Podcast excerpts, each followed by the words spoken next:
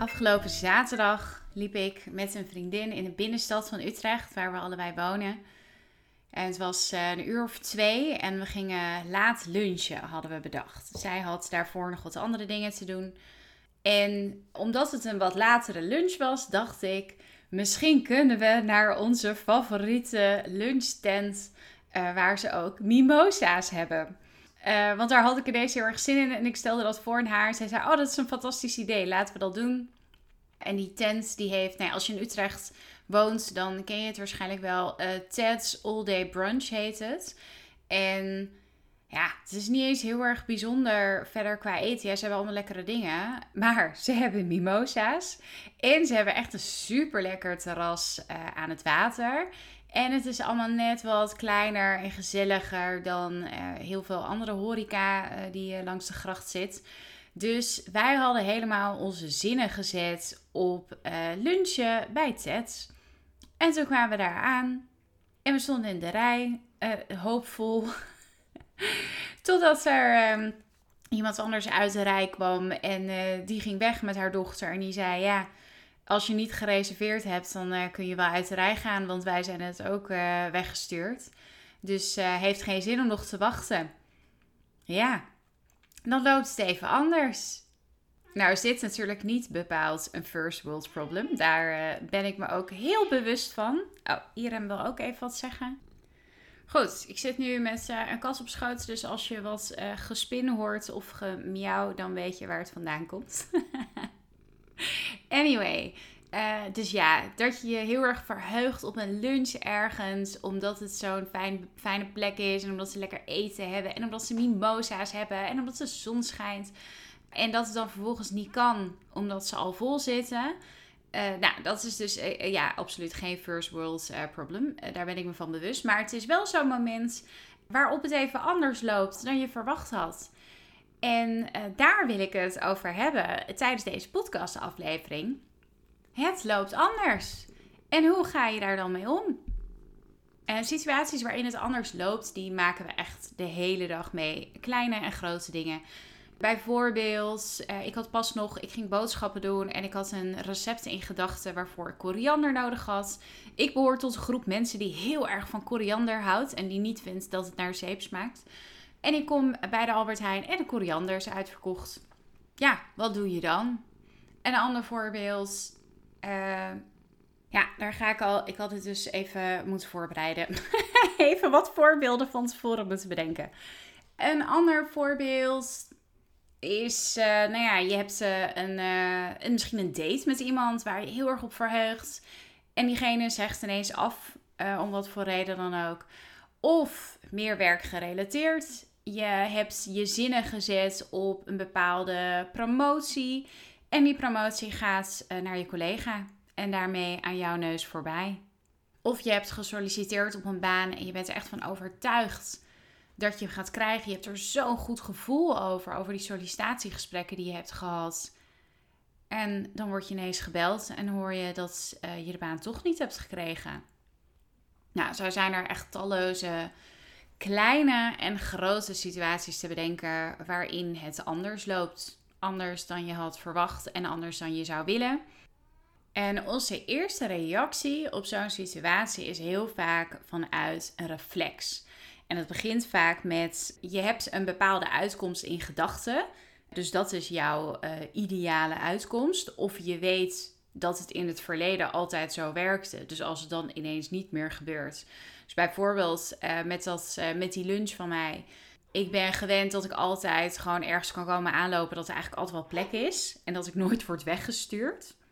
dan vergelijk ik het met het verleden. Of met die baan je hebt voor ogen van ik ga die, die baan krijgen, dit is de perfecte baan. Dit gaat gewoon lukken, dit kan niet anders. Ja, dat is jouw ideale situatie. En op het moment dat je hem dan niet krijgt, dan vergelijk je het met jouw ideale situatie, namelijk dat je hem wel krijgt. En dan denk je, ja, shit, waarom is het nou niet gebeurd? En daar kan je soms best een beetje boos over worden. Uh, dat herken je vast wel. Ik herken het ook wel van mezelf. Uh, niet met dat restaurant trouwens hoor. Maar het zou natuurlijk heel goed kunnen dat, dat mijn reactie dan was geweest. Uh, dat ik of een beetje geïrriteerd ben naar mezelf toe. Van ja, hè, het is stom van me dat ik niet gereserveerd heb. Of dat ik geïrriteerd ben naar mijn vriendinnetje toe, omdat zij niet gereserveerd heeft. Of omdat ik baal van het beleid van Teds dat ze überhaupt met reserveringen werken. Terwijl heel veel restaurants doen dat nu niet eens. Kun je gewoon alleen maar binnenlopen als je, zeker als je op het terras wil zitten. Uh, dus er zijn allerlei ja, manieren waarop ik daar, daarop kan reageren vanuit boosheid, irritatie en vanuit het is niet de ideale situatie. En dat geldt ook voor die promotie. Dus uh, jij hebt uh, je helemaal, weet je, jij, jij bent al tijden aan het toeleven naar een bepaalde functie die je wil gaan krijgen. En die baan die gaat uh, naar je collega. Dan ga je dat ook vergelijken met jouw ideaal. En jouw ideaal is dat jij die baan krijgt, niet dat je collega hem krijgt. Dus wat kan er dan gebeuren? Dat je zegt, niet, niet hardop, maar in je hoofd ik moet anders zijn. Ik had anders moeten zijn. Ik had beter mijn best moeten doen. Ik had duidelijker moeten uitspreken bij mijn uh, leidinggevende dat ik die baan graag wilde. Ik had niet nee moeten zeggen toen ze me vroegen om over te werken voor dat belangrijke project. Weet je, je kunt je dan van alles in je hoofd gaan halen van shit, dit, dit is verkeerd gegaan. Ik heb dit niet handig gedaan. Of je uh, bent boos op je manager omdat hij zo'n slecht beoordelingsvermogen heeft en het veel te rechter is dat jij die baan zou hebben gekregen. Of je baalt van je collega en vindt dat uh, diegene heel achterbaks is geweest. Uh, omdat je helemaal niet wist dat diegene ook die baan wilde of daar ook over in gesprek was. Dus er kunnen allerlei dingen dan naar boven komen die heel begrijpelijk zijn, maar die niet helpend zijn. Dus dat geeft je vooral een rot gevoel. Het zorgt dat je heel erg baalt van de situatie. En het is oké om te balen van de situatie. Dat, uh, daar ontkom je soms niet aan. En dat is ook helemaal prima. Uh, alleen als je er met dit soort gedachten naar gaat kijken, dan uh, krijg je ook nog eens het gevoel van ja, ja, ik heb in het verleden heb ik dingen niet handig gedaan. Ik kan er nu niks meer aan veranderen. Dat het een soort voldongen feit is. Wat het ook in sommige gevallen is. Hè? Ik bedoel, in het geval van uh, mijn lunchplannen. dat was een voldongen feit. Ze zeiden gewoon, ja, als je niet gereserveerd hebt, kun je weer gaan. Want dan hebben we sowieso geen plek voor je vandaag. Maar ik heb er zo weinig aan als ik dan daar heel erg van ga zitten balen. En als ik dan het mezelf kwalijk neem dat ik niet gereserveerd had. Of dat ik het mijn vriendinnetje kwalijk neem dat ze niet gereserveerd had. Of dat ik het die hele tent kwalijk neem dat ze überhaupt met reserveringen werken. Dat is allemaal heel erg begrijpelijk. Maar je gaat de schuld leggen bij iemand anders of bij jezelf. En het geeft je een rot gevoel. En het geeft je ook het gevoel dat je dat het je overkomt dat je geen regie hebt over de situatie. En deze voorbeelden, dus dat regieloos reageren, dat zit in het uh, regiemodel. Dat is iets wat we in de coaching gebruiken. Als je googelt op regiemodel kun je hem waarschijnlijk ook wel vinden, denk ik. Uh, of misschien regiemodel Nonons. Nonons is waar ik mijn coachopleiding heb gevolgd. En dat regiemodel dat gaat er dus over hoe je vanuit een situatie die anders loopt dan je had verwacht, vaak vanuit een reflex reageert en daarmee uh, geen regie pakt over de situatie. Dat is zoals ik het net uitlegde. En hoe je aan de andere kant ook juist vanuit keuzes kunt uh, reageren en wel regie kunt pakken over een situatie.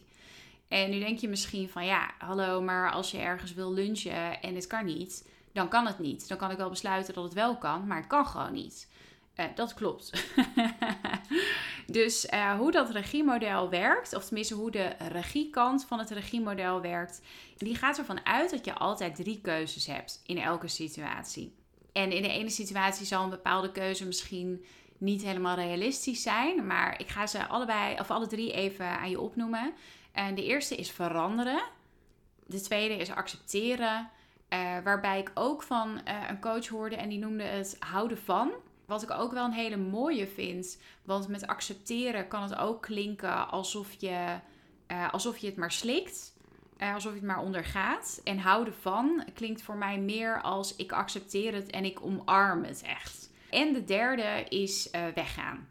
Nou, hoe vertaal je dit nu naar een situatie in het dagelijks leven. En ik pak gewoon weer even die situaties erbij die ik al eerder heb genoemd. Om je ook te kunnen laten zien van wat het verschil is. Dus om weer die lunch erbij te pakken. Nou, die heb ik nu al best wel veel gedaan. De, de koriander. De koriander die was uitverkocht bij de Albert Heijn. Nou, als ik dan uitga van de kant van het regiemodel waarin ik regie pak, dan heb ik drie keuzes. In eerste instantie kijk ik of ik het kan veranderen. Nou, in het geval van die koriander kan het zijn dat ik besluit om platte peterselie te gebruiken. Of weet ik veel wat een goede vervanger zou kunnen zijn voor koriander. Het kan zijn dat ik misschien een heel ander recept kies. Het kan ook zijn dat ik naar een andere supermarkt ga om daar koriander te kopen. Dus dat zijn allemaal manieren waarop ik de situatie kan veranderen. Een andere optie is accepteren. Nou, dat zou in dit geval uh, zijn dat ik zeg, ja, dan maak ik dit recept zonder de koriander. Kan eigenlijk ook prima. Dan accepteer ik, de koriander is uitverkocht. Het is oké. Ik ga alsnog super lekker koken en ik doe dat zonder koriander. En de derde optie is uh, weggaan. Nou ja, dat zou dus ook kunnen zijn dat je weggaat uit de Albert Heijn en naar een andere winkel gaat. Uh, maar die zie ik zelf meer dus als, als veranderen. Maar weggaan kan ook zijn dat je denkt: joh, ik ga lekker uit eten. Of uh, ik bestel wel een pizza. Of ik bestel lekker Aziatisch eten waar heel veel koriander bij zit. Zodat ik alsnog mijn portie koriander krijg vandaag. Dat zijn allemaal manieren van nou ja, weggaan uit situatie.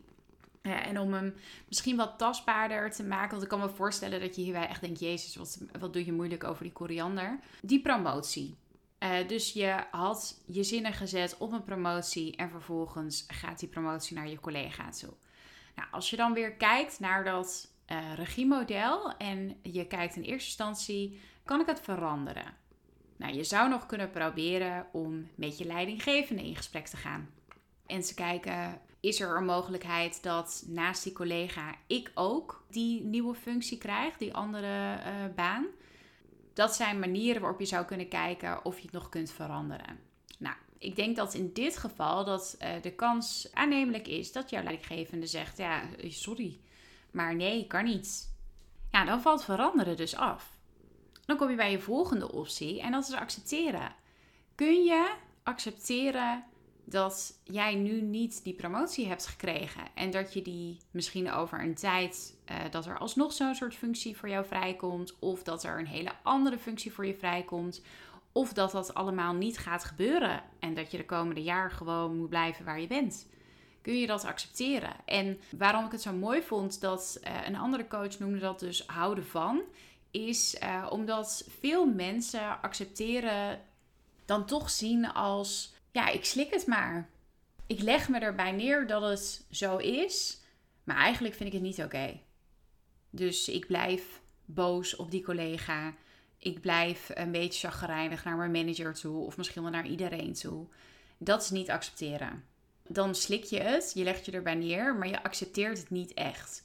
En daarom vond ik dus houden van wel een. Die klinkt misschien wat extreem, maar dat zegt wel iets over je omarmt echt de situatie zoals die is. Dus je accepteert het en je bent er echt, echt oké mee dat het zo is. En dat is heel lastig.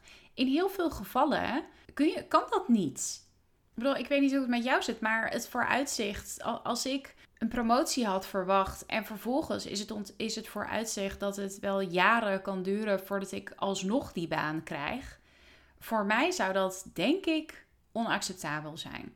Maar het is natuurlijk heel erg afhankelijk van de omstandigheden. Dus het kan zijn dat je het wel uh, accepteert. Stel nou dat je het niet kunt accepteren, wat doe je dan? Nou, dan kun je dus weggaan uit de situatie. En in het geval van een baan kan dat betekenen dat je weggaat bij het bedrijf. Dat is best een rigoureuze stap, maar het is wel een keuze die je hebt. En dat is ook waarvoor dat regiemodel uh, bedoeld is, om je te laten zien dat je echt altijd een keuze hebt. En dat we geneigd zijn om dus vanuit een reflex te reageren op onverwachte situaties. En daardoor een beetje vastkomen te zitten in onze eigen gedachten omdat het allemaal niet loopt zoals we willen. En daar zijn we geïrriteerd over, daar zijn we boos over. We vinden dat het anders had moeten zijn. Of dat wij het anders hadden moeten doen. Of dat die ander het anders had moeten doen. Maar het is allemaal zoals het is. Dus als je jezelf al die frustratie wilt besparen, dan zou je eens kunnen proberen als je weer in een situatie komt en denkt: Zo, dat loopt even anders dan ik had verwacht. Om als eerste tegen jezelf te zeggen: Dit is mijn realiteit. Dit is wat er nu gebeurt. Het is zo. En ik kan willen dat het anders is, maar dit is even zoals het nu is. Ik dacht echt dat ik die baan zou krijgen, maar ik heb hem niet gekregen. Of ik dacht echt dat mijn vriend er klaar voor was om samen een huis te gaan kopen. En hij zegt ineens dat hij helemaal niet wil samenwonen. Of iets wat ik de afgelopen tijd helaas een aantal keer heb meegemaakt, uh, is dat uh, mijn, een van mijn katten, of eigenlijk allebei mijn uh, katten, heel erg ziek werden. Ja, dat is ook niet bepaald de ideale situatie. Dan loopt het ook even heel anders dan dat je had gewild. En dan kan het ook een valkuil zijn om te zeggen, om boos te worden op de situatie en dat het allemaal anders had moeten zijn, waar je dan heel weinig mee opschiet en wat je alleen nog maar verdrietiger maakt en uh, ja, je een nog machtelozer gevoel geeft. Dus om deze podcast mee af te sluiten, mijn tip voor jou is als je nou in zo'n situatie komt waarin het anders loopt dan je had verwacht, en dat kan dus zijn dat er iets is uitverkocht in de supermarkt, waardoor je een bepaald recept niet kunt maken. Uh, dat er een afspraak wordt afgezegd, dat er iets op je werk gebeurt uh, waar je het niet mee eens bent. Weet ik het, er wordt een reorganisatie in één keer afgekondigd. Het kan van alles zijn. En probeer dan eens terug te denken aan dit regiemodel. En aan uh, de drie keuzes die je hebt in situaties. Dus beginnen met: kan ik het veranderen? Zo niet. Kan ik het dan accepteren? En als dat ook niet kan, kan ik dan weggaan uit de situatie? Of nou ja, sterker nog, dan ga je weg uit de situatie. En het kan ook heel goed zijn dat op het moment dat je daarover aan het nadenken bent. En je denkt in eerste instantie, ja, nee, ik kan er niks aan veranderen. Nee, ik kan het ook niet accepteren. En dan blijft als enige optie nog over weggaan. Dat je dan tot de conclusie komt van ja, maar ik wil niet weg uit deze situatie. Dus als je het hebt over, nou ja, wat zei ik nou net? je vriend die ineens zegt van... oh ja, nee, ik was er niet van plan om te gaan samenwonen. Ik wil gewoon forever lekker blijven latten en twee huizen aanhouden. Dan kan je in eerste instantie denken... ja, hij vindt het, ik kan er niks aan veranderen... maar ik vind het zelf niet oké, dus ik kan het ook niet accepteren. En dat je vervolgens denkt... ja, maar, maar dit is het niet waard om mijn relatie voor te verbreken. Dan kun je alsnog weer teruggaan naar... kan ik het dan toch proberen te veranderen? Of kan ik het dan toch accepteren? weet in ieder geval dat je altijd een keuze hebt. Dat betekent niet dat het makkelijk is, dat het makkelijke keuzes zijn. Ik heb zoveel situaties meegemaakt waarin ik super pijnlijke keuzes moest maken, die me heel veel verdriet hebben gegeven, eh, die me slapeloze nachten hebben opgeleverd, nou ja, alles. Maar het zijn wel keuzes. En het geeft altijd nog een beter gevoel als jij zelf die keuze hebt gemaakt, dan dat je eindeloos blijft aanmodderen in een situatie waar je niet gelukkig van wordt. Of dat je het jezelf steeds maar weer kwalijk neemt als er iets niet loopt zoals jij dacht dat het zou lopen. En misschien denk je nu: hoe is het afgelopen met de lunch, met de mimosa's en het terras waar geen plek was? Uh, nou, daar hebben we volledig vanuit regie op gereageerd door te bedenken wat kunnen we veranderen aan de situatie. Nou ja, het was geen optie om daar te lunchen. Ik weet niet of je Utrecht uh, een klein beetje kent, maar we waren dus bij Ted's All Day Brunch op het wet beneden. We liepen de trap op. Ik zie daar voor mijn neus Anne en Max. En ik zeg, wow, die hebben trouwens ook mimosa's. Dus we liepen naar Anne en Max. Het bleek dat je daar niet hoeft te reserveren. Er was nog een heerlijk plekje voor de deur in de zon. En we hebben daar super lekker geluncht en mimosa's gedronken. Dus uh, mijn weekend was helemaal goed. En tot zover het regiemodel. Ik ben heel erg benieuwd wat je hiervan vindt als je dit hoort. Probeer het eens op een situatie die onlangs gebeurd is uh, in je leven, om het daar eens op met terugwerkende kracht op toe te passen. Van ja, stel dat ik nou, weet je, nu werd ik vooral boos en heb ik gehuild en ben ik chagrijnig geworden naar mensen toe. Maar wat had ik verder nog kunnen doen? Als ik was uitgegaan van veranderen, accepteren of weggaan, wat zijn dan voorbeelden waar, waarop ik dat, manieren waarop ik dat had kunnen doen? Of misschien hoor je dit en denk je, ja, daar geloof ik helemaal niks van. Soms heb je gewoon geen keus. daar kunnen we het altijd nog over hebben. Want dan, dan verschillen we wel echt van mening eh, daarover. En het lijkt me heel interessant om van gedachten te wisselen daarover. Je mag me altijd uh, een DM sturen op Instagram. Jouw wending, daar vind je me. Als je me daar nog niet volgt, vind ik heel leuk als je dat uh, doet. En sowieso, af en toe krijg ik wel eens een berichtje van iemand die zegt: Oh, en ik luisterde je podcast over dit. En oh, zo herkenbaar. En um, ook regelmatig uh, coachklanten van me. Die mede door het luisteren van, die, van deze podcast denken: Ja, die Wendy, daar wil ik wat mee. Dat vind ik super leuk om te horen. Dus nou ja, als je hier wat aan hebt gehad. Zou ik het echt heel leuk vinden als je me even een berichtje stuurt en me dat laat weten. Of Waar je me nog meer mee zou helpen, is als je nu een screenshot maakt van uh, je telefoon. En uh, dat deelt op Instagram bijvoorbeeld. En mij even tagt, dus at jouw wending. Om te laten zien dat jij luistert. En uh, nou ja, misschien kun je daar dan jouw grootste inzicht, wat je uit deze podcast hebt gehaald, kun je dat daarin delen. Maar je mag dat dus ook altijd in een privéberichtje met me delen. Vind ik ook altijd leuk. En mocht je nou meer willen weten over mij en over wat ik doe, hoe ik je kan helpen, dan kun je altijd even op www.jouwwending.nl kijken. Er staan ook heel veel blogs op trouwens. Er zit er volgens mij ook één bij over dit regiemodel. Dus ja, daar uh, is nog een hele hoop leesvoer over coaching, werkgeluk, uh, solliciteren. Vind je allemaal terug uh, op mijn site. Voor nu wil ik je bedanken voor het luisteren en ik hoop dat je er volgende keer weer bij bent.